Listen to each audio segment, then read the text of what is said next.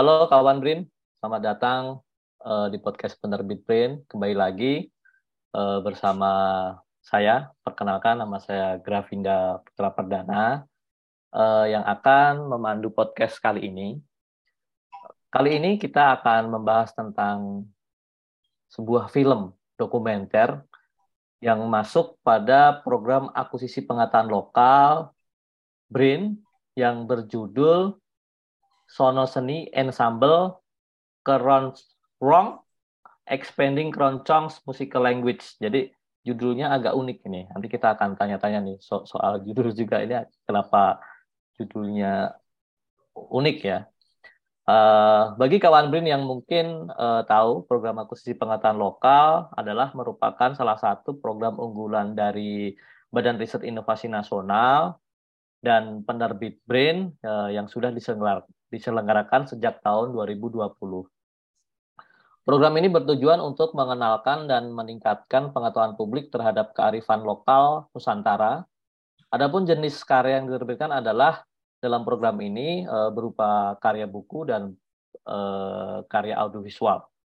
Uh, tentu saja saat ini saya tidak sendirian karena saya sedang ditemani langsung oleh narasumber kita, pembuat film dokumenter Sono Seni Ensemble ini, uh, yaitu uh, Mas Agus Eko Triono. Ya, halo. Halo, halo Mas Agus. Halo Mas. Sehat? Alhamdulillah sehat. Oke. Nah, saya akan sedikit membacakan profil uh, Mas Agus ini. Jadi Mas Agus ini uh, adalah Nama lengkapnya Agus Eko Triyono. Lahir di Surakarta, ya kan? Lalu dia menyelesaikan studi S1-nya itu di jurusan Etnomusikologi Institut Seni Indonesia. Oke, okay. ya. tahun 2015 ya, Mas? Sepertinya 2015 saya ingatnya okay. 2015 ya. Selama berada di lingkungan ISI, dulu namanya STSI ya, Sekolah Tinggi Seni Indonesia, sekarang berganti nama menjadi Institut Seni Indonesia uh, beliau ini banyak mengerjakan uh, proyek-proyek dokumentasi fotografi, lalu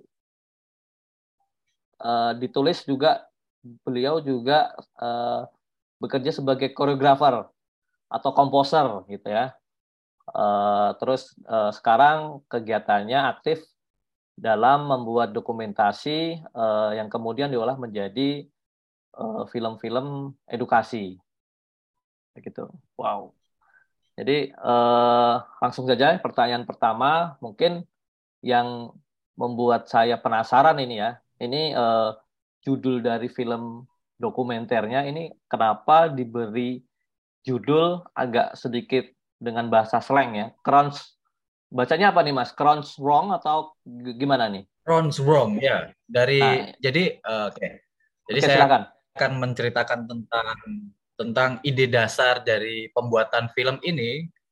Jadi sebenarnya film ini hanya mempresentasikan kembali apa yang sudah dibuat oleh para senior saya. Nah itu seperti Sono Seni Ensemble itu kan kebetulan beberapa dari mereka saya kenal karena dosen juga sering diajak terlibat untuk pendokumentasian bersama mereka seperti Mas Gondrong Gunarto, terus Pak Pak Joko Suranto, Pak Joko S Gombloh itu adalah kelompok Sono Seni Ensemble. Nah, memang kebetulan saya waktu di Etno itu banyak banyak mendapatkan inspirasi dari kelompok musik ini. Nah, itu yang membawa ke Etno sebenarnya. Awalnya kan kepingin ke televisi.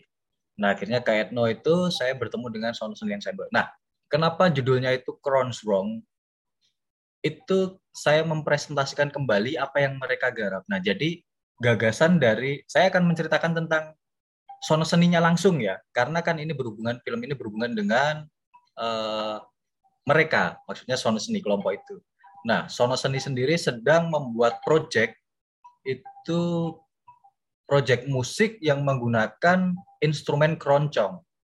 Nah namun di dalam instrumen keroncong itu mereka memasukkan uh, idiom-idiom gamelan Nah, ide dasar dari Crown's Wrong, album Crown's Wrong itu adalah Mas John Jacob. John Jacob itu dia uh, seniman dari Inggris yang kebetulan saat membuat album Crown's Wrong itu mereka uh, Mas John dengan Mbak Ginevra ya saya panggil Mas dan Mbak karena untuk menghormati lebih tua gitu ya uh, mereka berdua naik sepeda itu dari Inggris ke Indonesia melakukan perjalanan dengan sepeda hanya untuk membuat album Crown's Wrong itu itu karena memang dia pertama kali datang ke Indonesia seperti yang dijelaskan di dalam film itu dia sangat penasaran dengan keroncong.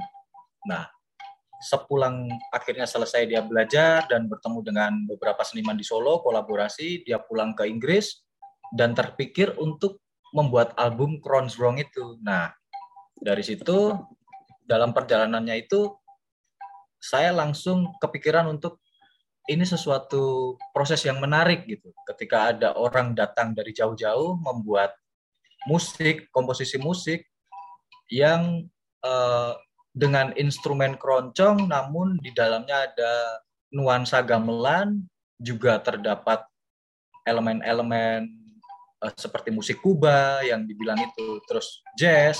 Akhirnya ketika benar sekali ketika saya mendokumentasi mereka, akhirnya project itu langsung di direspon oleh Jazz Gunung. Nah, itu yang menjadi uh, ketertarikan saya untuk merekam peristiwa ini karena ini menurut saya adalah peristiwa yang bersejarah gitu untuk pembuatan sebuah komposisi musik yang baru. Nah, sementara juga saya seperti yang dijelaskan Mas Pinda tadi, kenapa saya uh, saat ini terfokus di film-film edukasi? Sebenarnya saya yang nggak terlalu pede kalau untuk bilang film edukasi, tapi minimal saya untuk arah ke sana. Karena dari hal-hal yang kecil, menurut saya banyak sekali yang bisa kita tangkap untuk kita sampaikan kembali. Salah satu contohnya adalah kenapa hadirlah film Crown's Wrong ini. Karena ketika album jadi, terus akhirnya dia masuk ke platform media digital, uh, terus YouTube atau pementasan-pementasan, itu menurut saya akan lebih lengkap ketika ada sebuah feature film dokumenter pendek menceritakan tentang proses itu. Nah, akhirnya jadilah film Crown's Wrong. Tentang judul itu bukan dari saya pribadi, tapi judul itu resmi dari album yang mereka buat. Jadi saya tidak merubah judul sama sekali. Karena memang tujuan saya dalam film ini untuk mewakili uh, album itu kepada masyarakat lewat mereka sendiri ini ada albumnya mas. Nah jadi menarik. Nah dari sini mungkin kan nanti kita akan jadi uh, lebih mengenal oh ternyata Indonesia punya keroncong yang berbeda yaitu yang disebut Crowns Wrong nah itu harus didengarkan. Kira-kira seperti itu. Oke. Kalau melihat background dari uh, akademis Mas Agus ini kan sempat kuliah di jurusan etnomusikologi. Artinya memang sebetulnya dari eh, apa namanya dari lingkungan juga sebetulnya memang Mas Agus ini ada di tengah-tengah lingkungan eh, etno etno ya. Ya. Nah, ini kan ada beberapa kawan BRIN mungkin agak sedikit awam ini jurusan etnomusikologi, lalu membahas tentang apa musik ataukah penelitian yang seperti apa. Itu mungkin Mas Agus bisa sedikit ceritakan sebetulnya jurusan etnomusikologi ya yang terkait dengan sebetulnya ini erat erat kaitannya dengan film ini juga gitu. Bisa sedikit kasih insight ke kawan-kawan Brin. Oke. Jadi ketika itu saya ya ini sekalian ya saya curhat gitu menceritakan tentang peristiwa masa lalu lah saya daftar di program studi televisi itu ditolak tiga kali. Akhirnya saya eh ada etnomusikologi gitu. Ternyata ketika saya berproses di lingkungan STSI waktu itu, saya bertemu dengan banyak teman, diajak bergabung untuk main musik, akhirnya kenalah etnomusikologi. Nah, kebetulan memang dari 2005 saya sudah senang dengan memotret. Artinya saya ingin mendalami apa sih tentang fotografi saat itu di prodi televisi karena saat itu belum ada studi fotografi. Nah akhirnya ternyata di etnomusikologi itu dia punya uh, tentang fotografi, tentang intinya tentang dokumentasi dan mengelola dokumentasi itu mau diapain nih, mau diarsipkan ke mana nih, mau di create ulang jadi bagaimana nih. Justru saya tertarik di dalam ilmu-ilmu yang ada di etnomusikologi.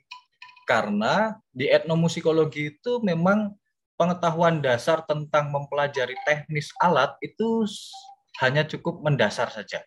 Karena mungkin kalau saya sendiri melihat etnomusikologi itu dia diberikan sesuatu yang lebih kaya. Artinya kita dihadapkan untuk ke masyarakat, melihat langsung kebudayaan seperti apa, terus melihat uh, di situ juga ketika saya masuk etnomusikologi, saya langsung diberikan beberapa informasi dalam mata kuliah. Contohnya memainkan gamelan Bali, memainkan karawitan Sunda, bermain gandrang Makassar.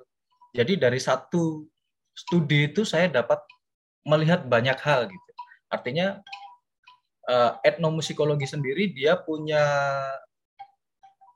punya wilayah jangkauan yang lebar ketika dia mau membuka. Ketika dia juga misalnya seperti saya saya punya ketertarikan dalam bidang dokumentasi ya. Jadi ketika dia mempelajari etnomusikologi ketika dia ditempatkan di satu tempat dia akan akan langsung merespon ada apa nih yang menarik?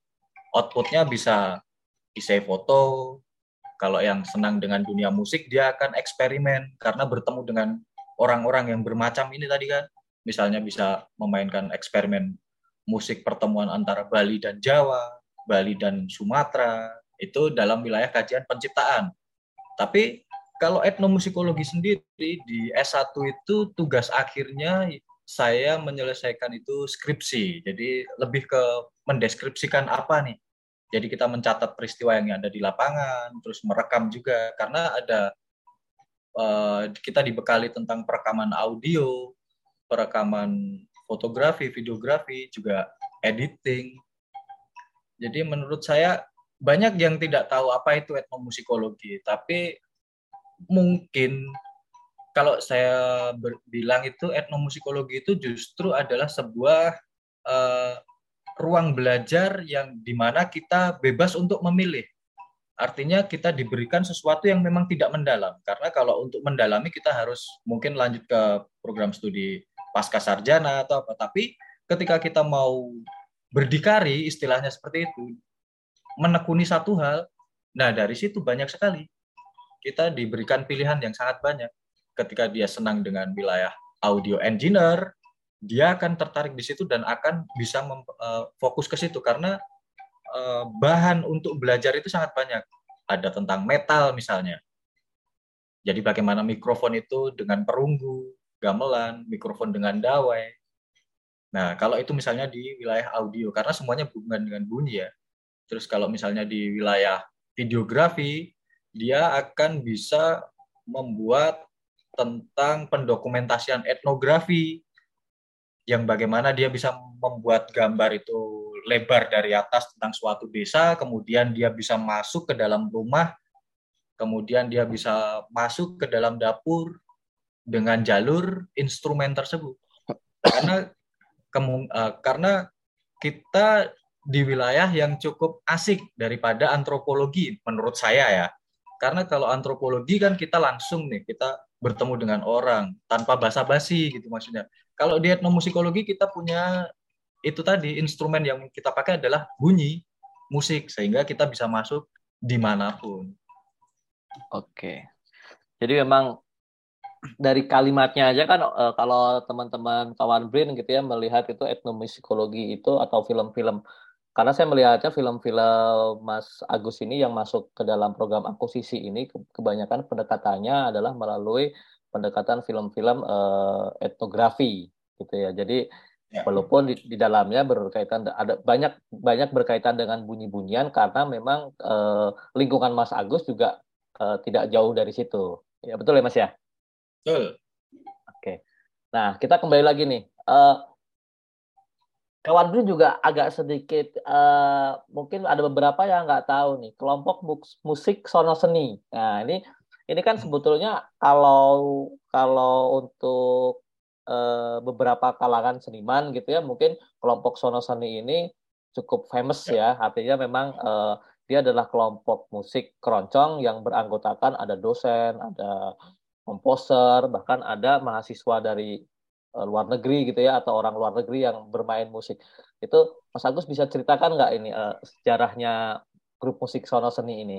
Lalu uh, uh, sampai sekarang ini uh, seperti apa gitu? Oke. Okay. Oke. Okay.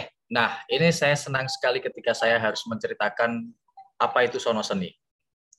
Karena begini, Sono Seni Ensemble itu sebelum saya membuat film Wrong itu saya dari dulu memang ngefans dengan mereka.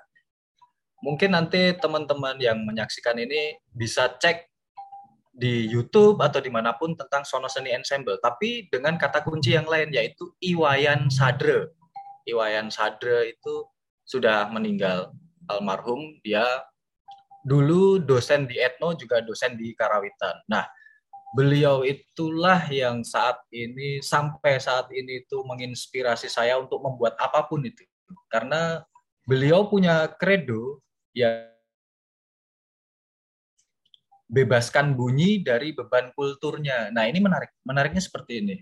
Itu kita bisa uh, misalnya seperti ini, bebaskan bunyi dari beban kulturnya itu seperti misalnya orang Papua memegang kendang Jawa untuk membuat musik. Oke. Jadi ketika orang Papua membutuhkan saya butuh bunyi beduk, bunyi rame. Apa alat yang ada? Kendang. Karena mereka berproses di Jawa. Akhirnya kendang dia pakai, dia dipukuli.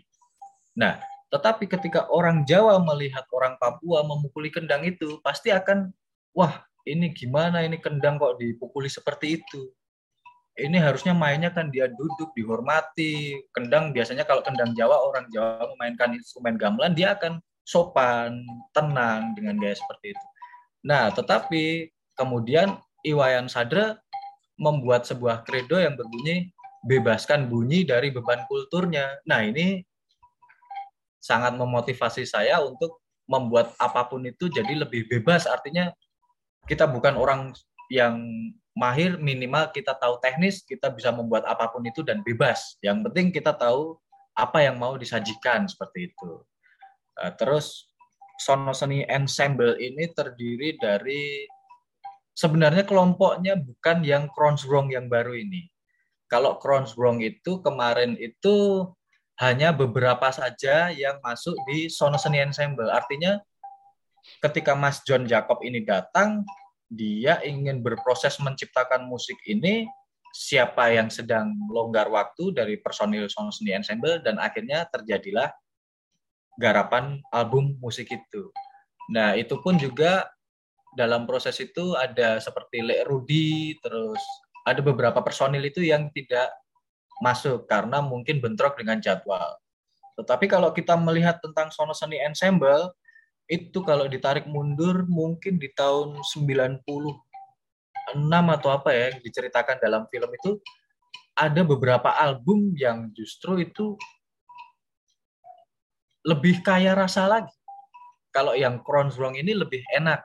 Tapi kalau yang album-album sebelumnya ketika masih ada Iwayan Sadre itu benar-benar musiknya itu ya menurut saya sendiri ini kelas gitu loh kalau kita membicarakan tentang musik-musik komposisi ya, artinya untuk disajikan itu kapasitas mereka itu memang kapasitas dunia. Karena ada tawaran yang itu hanya dimiliki Sono Seni Ensemble. Ketika dia berdiri di sebuah pertunjukan panggung dunia, dia punya warna yang sangat Indonesia sekali, misalnya seperti itu. Bukan Indonesia sekali dengan menggunakan instrumen sape, bunyinya seperti itu. Tapi ada, mereka punya cara-cara khusus untuk mengolah musik itu jadi sajian yang kalau Lek Rudi dari kelompok itu bilang mempunyai roh dalam mendengarkan musik pun kita bisa seketika itu seperti tahan napas karena bunyi yang sangat tiba-tiba ada bunyi yang seperti itu. Nah, seperti itu.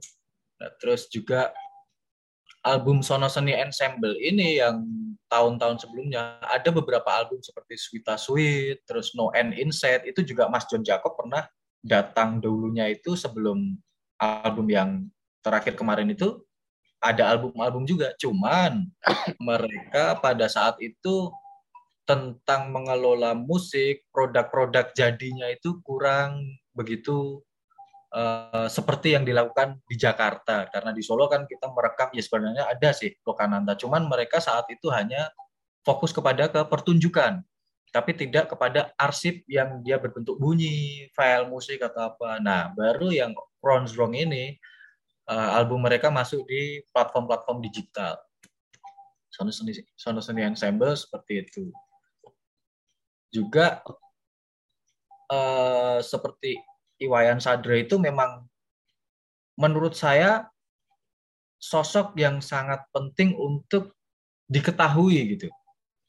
Nah, makanya saya bagaimana caranya untuk menyampaikan gagasan-gagasan beliau ketika beliau sudah meninggal, tapi saya bukan bermaksud untuk uh, mengoprak-ngaprak apa yang sudah terjadi kemarin ya, tapi justru saya ingin mengambil kembali, melihat kembali dan menyajikan ulang supaya apa yang saya ketahui ini juga diketahui oleh teman-teman yang lain. Itulah spirit dari Iwayan Sadra yang kemudian melahirkan Sono Seni Ensemble.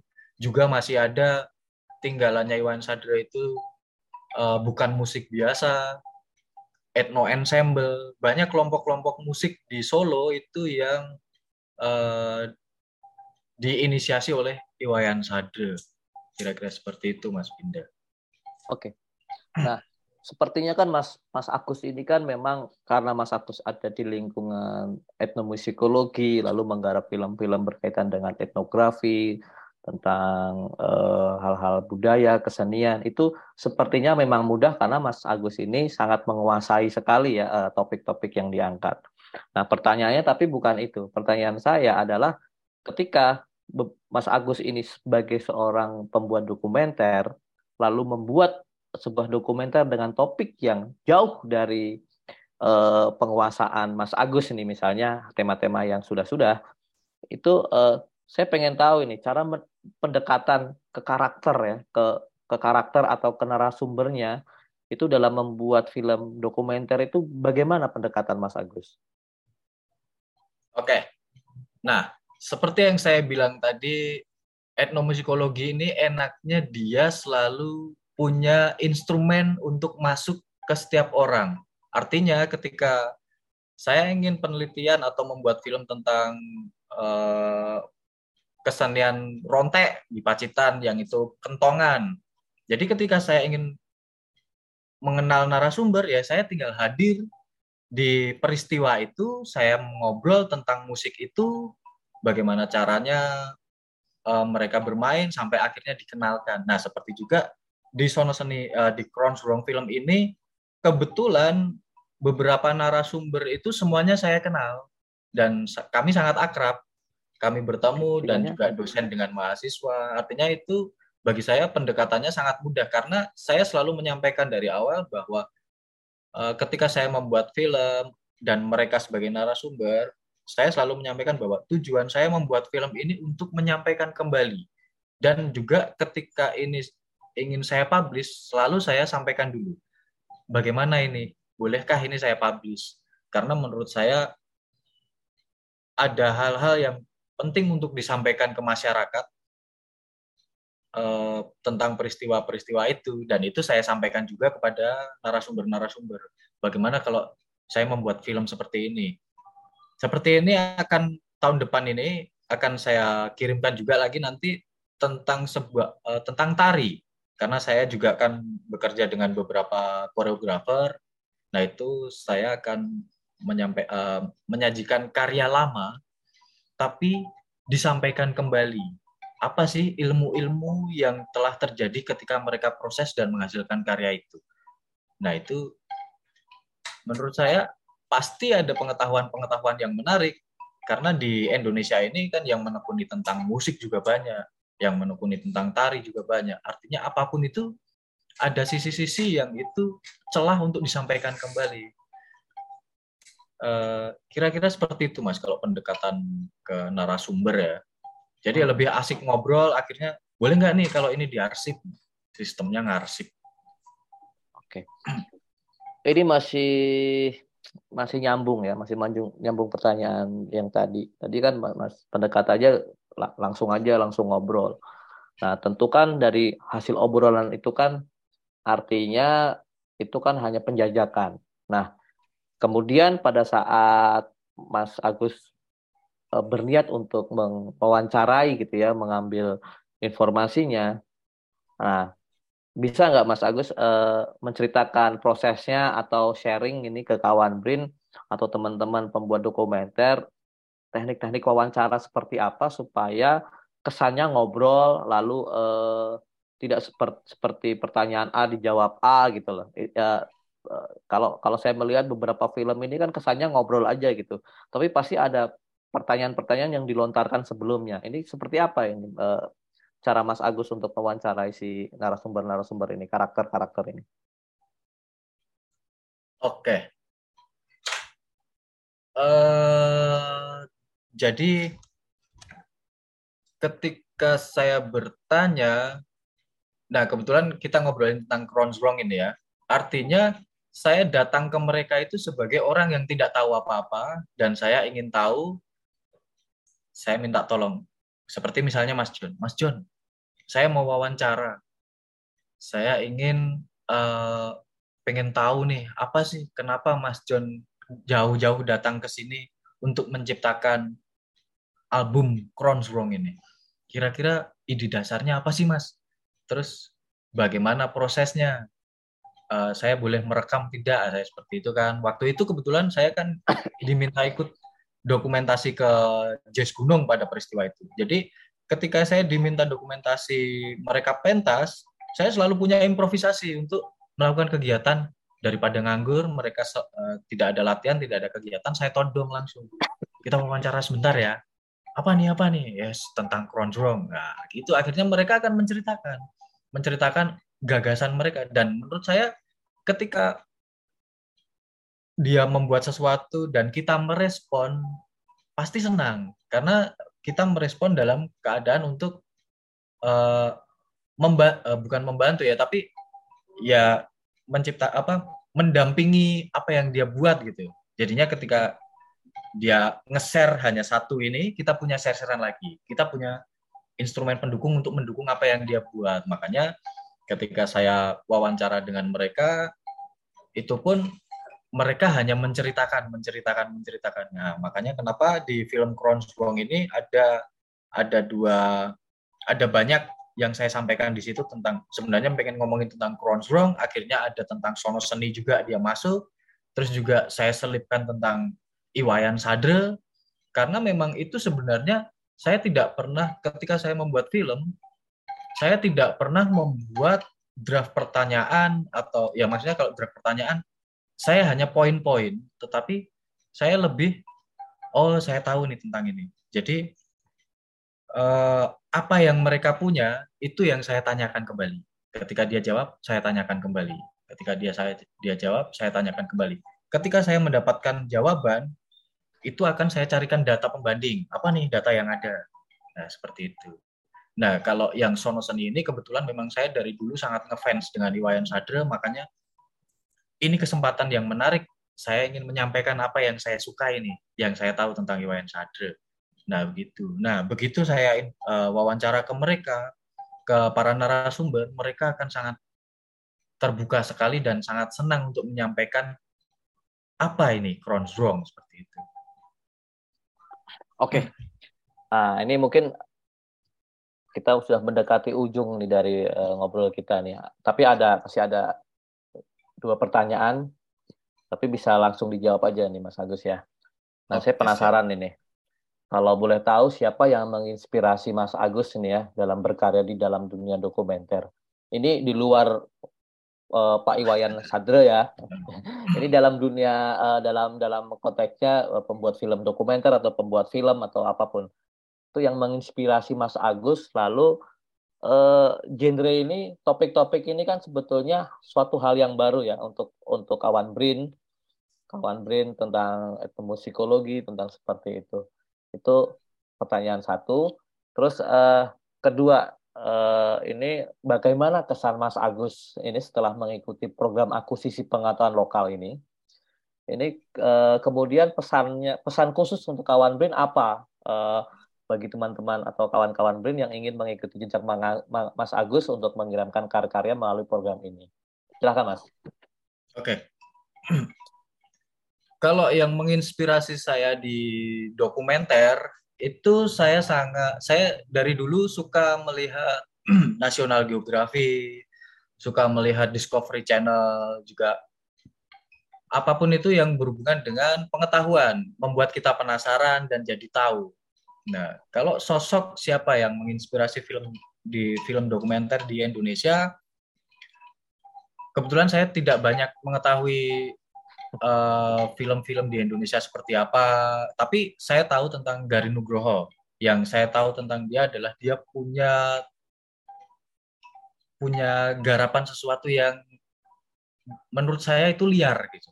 Jadi ada hal-hal yang unik seperti satu take pertunjuk misal itu kalau saya melihat seperti pertunjukan teater yang direkam dengan satu kamera, tapi kamera itu moving. Nah, itu menginspirasi saya juga tapi kalau untuk ke wilayah artistik seperti itu saya belum mampu dan juga memang belum ke situ. Jadi kalau untuk film dokumenter saya terinspirasi dari National Geography, Discovery Channel. Itu mereka menjelaskan hal-hal yang sangat simple dengan pendekatan yang sangat menarik, dengan kemasan yang sangat menarik. Nah, kebetulan karena itu mungkin bahasa Inggris, jadi tidak terlalu banyak diminati ya di Indonesia ya. Nah, kenapa akhirnya saya membuat beberapa film-film yang itu menurut saya kulit-kulit saja tapi uh, enak untuk disampaikan ke masyarakat karena saya sendiri juga sebelum ada program BRIN dulu itu saya bingung, waduh ini kerjaan apa ini? Namanya juga freelance kan bingung akhirnya saya kepikir seperti ini. Saya punya kamera saya punya alat rekam. Kenapa saya nggak membuat feature? Membuat film-film pendek. Nah itu pertama kali saya membuat film itu uh, ide awal itu tahun 2016 itu saya membuat rekaman gamelan coro balen. Gamelan coro balen itu gamelan yang ada di keraton. Saya merekam itu dan saya carikan narasumber dengan tujuan akan saya putar ke sekolahan se Solo dulu minimal. Saya akan ngamen dengan film. Saya akan presentasi dengan kepala sekolah untuk mempresentasikan film itu dan murid-murid datang untuk membayar berapa 2000 entah 5000 yang penting saya sharing. Intinya cari uang gitu. Awalnya seperti itu dan saya membuat film sebanyak-banyaknya untuk datang ke sekolahan. Nah, kebetulan saya mendapat informasi tentang BRIN ini sangat bersyukur sekali. Artinya apa yang saya buat itu just, justru malah langsung nasional gitu.